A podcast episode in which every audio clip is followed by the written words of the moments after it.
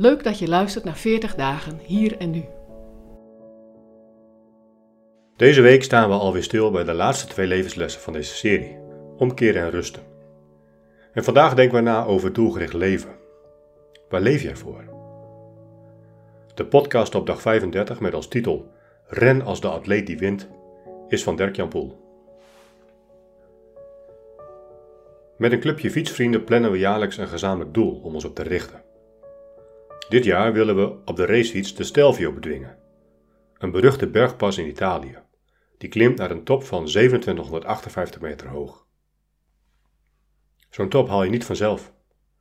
En daarom heb ik het voor mezelf in twee kleinere doelen verdeeld. Om boven te komen heb ik allereerst een goede conditie nodig en genoeg fietskilometers in de benen. En daarnaast, hoe minder gewicht ik mee naar boven hoef te nemen, hoe beter. Een paar kilootjes eraf kan dus ook geen kwaad. Deze twee subdoelen maken het behapbaar en haalbaar voor mij. Een trainingsprogramma en regelmatig afspreken met een maatje zorgt dat ik drie tot vier keer per week op de fiets zit.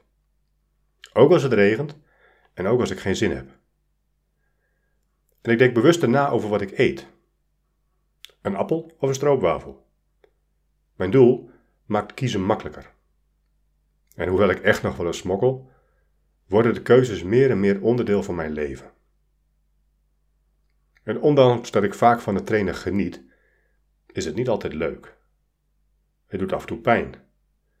En ik merk soms amper vooruitgang. Ik heb ook echt niet altijd zin. Op zulke momenten geven de ritjes van mijn vrienden op Strava me net dat zetje om toch op de fiets te stappen.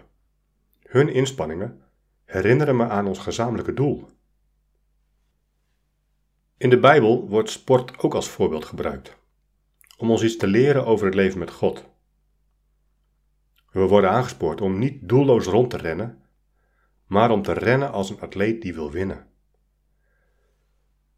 Geloven is dus heel doelbewust en doelgericht.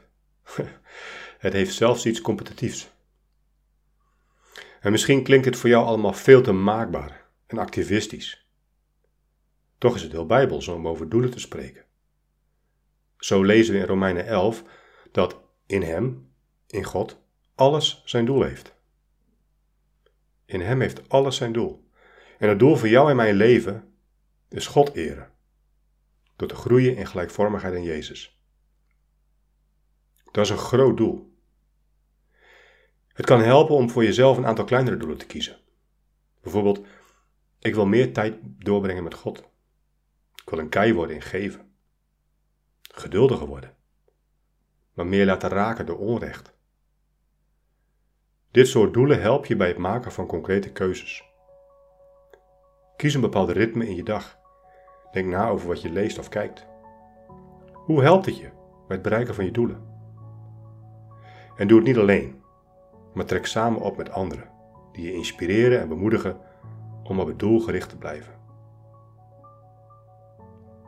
Welke doelen kunnen jou helpen om meer op Jezus te gaan lijken? En met welke twee personen kun je hierin samen optrekken?